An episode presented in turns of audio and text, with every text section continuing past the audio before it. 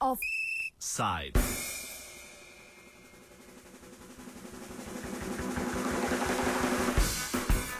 Ob dnevu reformacije, ki je v Sloveniji tudi državni praznik, smo govorili z Gezo Filo, ki bo čez en mesec postal škof evangeličanske cerkve.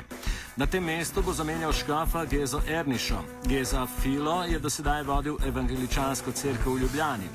Na začetku nas je zanimalo, kako vidi reformacijo danes v Sloveniji in kako naj bi zaznamovala slovensko zgodovino. Ja, reformacija v Sloveniji ima velik pomen, kajti Slovenci smo z reformacijo v 16. stoletju, predvsem po naših reformatorjih, Primožu Trubarju, Juriju Galmatinu in ostalih, dobili veliko. Zdaj, kot bili smo uh, slovensko crkvo, crkvo slovenskega jezika, uh, dobili smo prvo slovensko knjigo, uh, dobili smo ne na zadnje poimenovanje pač ime Slovence, uh, dobili smo vse tisto, kar dejansko en narod potrebuje za svojo identiteto. Torej, tiste, tiste osnovne, osnovne stvari, da smo lahko, da smo pač uh, lahko uh, govorili slovensko, torej pisali po slovensko, uh, začeli z šolstvom in tako naprej. No, veliko krat je videti, da je recimo Rimokatoliška crkva, če ne govorimo o reformaciji, do nekaterih družbenih vprašanj bolj nestrpna od samih reformatorjev. Kako vi na to gledate?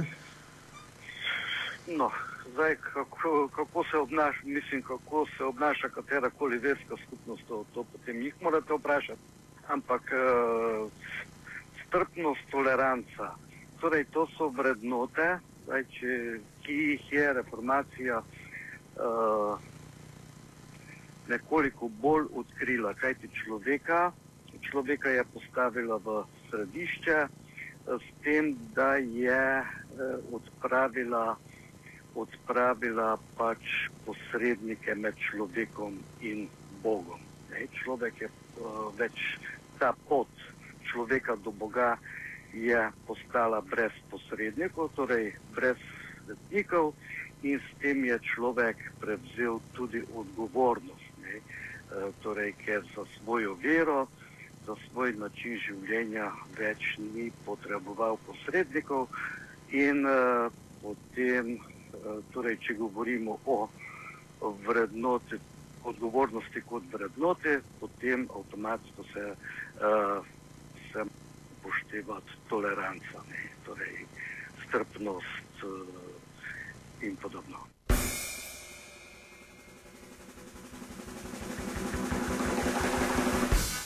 Gezo Filo smo povprašali tudi, kaj si mislijo o zahtevi proti celibatu, ki so jo reformatorji udejanili. Nadalje pa smo se pogovarjali o njegovih izkušnjah o verski svobodi za časa Češko-Slovaške, kjer je diplomiral in verski svobodi danes v Sloveniji.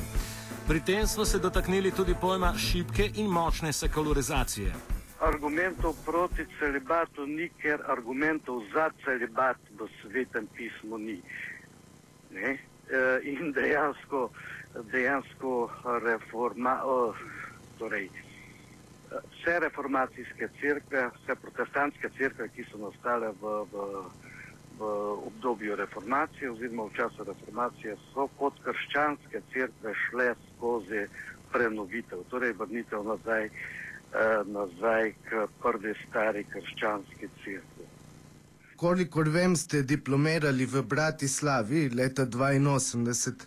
Kako pa gledate recimo na versko svobodo, ki danes obstaja v Sloveniji, na versko svobodo takrat na Češko-Slovaškem? No, verska svoboda takrat na češko-slovaškem. Eh,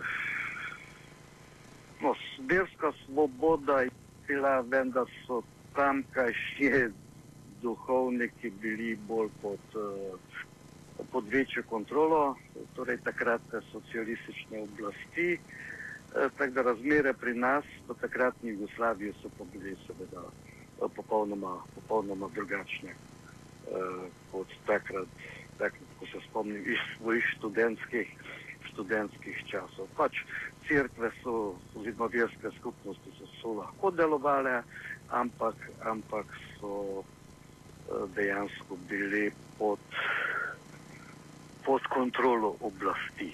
Torej, da se ne bi mešali v politiko, da ne bi, da ne bi med ljudstvom pač govorili oziroma širili proti socialističnih pač idej in tako naprej. Zdaj pa res še zadnje vprašanje. Danes se dosti govori o močni in šibki sekularizaciji. Zdaj najmočnejša verska skupnost pri nas bolj kot ne zagovarja, da je šibka sekularizacija nekaj, kar si država ne bi smela privoščiti oziroma se veliko krat umešavajo v neke stvari, ki se mogoče njih strikno, striktno ne tičejo. Recimo tudi pri sprejemanju zakona o istospolnih skupnostih je bilo tako.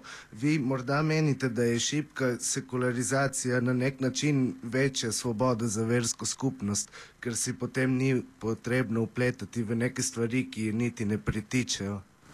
Ja, ta je v, torej ureditev, kot jo je zapisano v naši ustavi. Slovenski, pač da so verske skupnosti ločene od države, je pravilna ureditev in uh, nobena verska skupnost se pač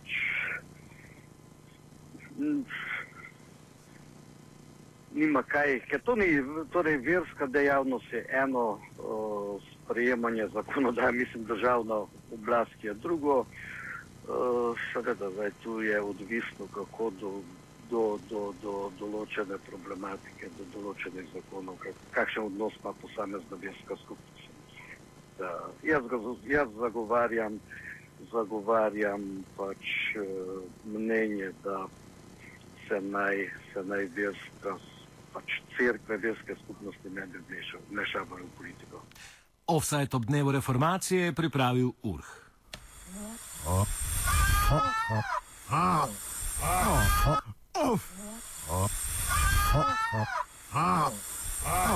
Offside.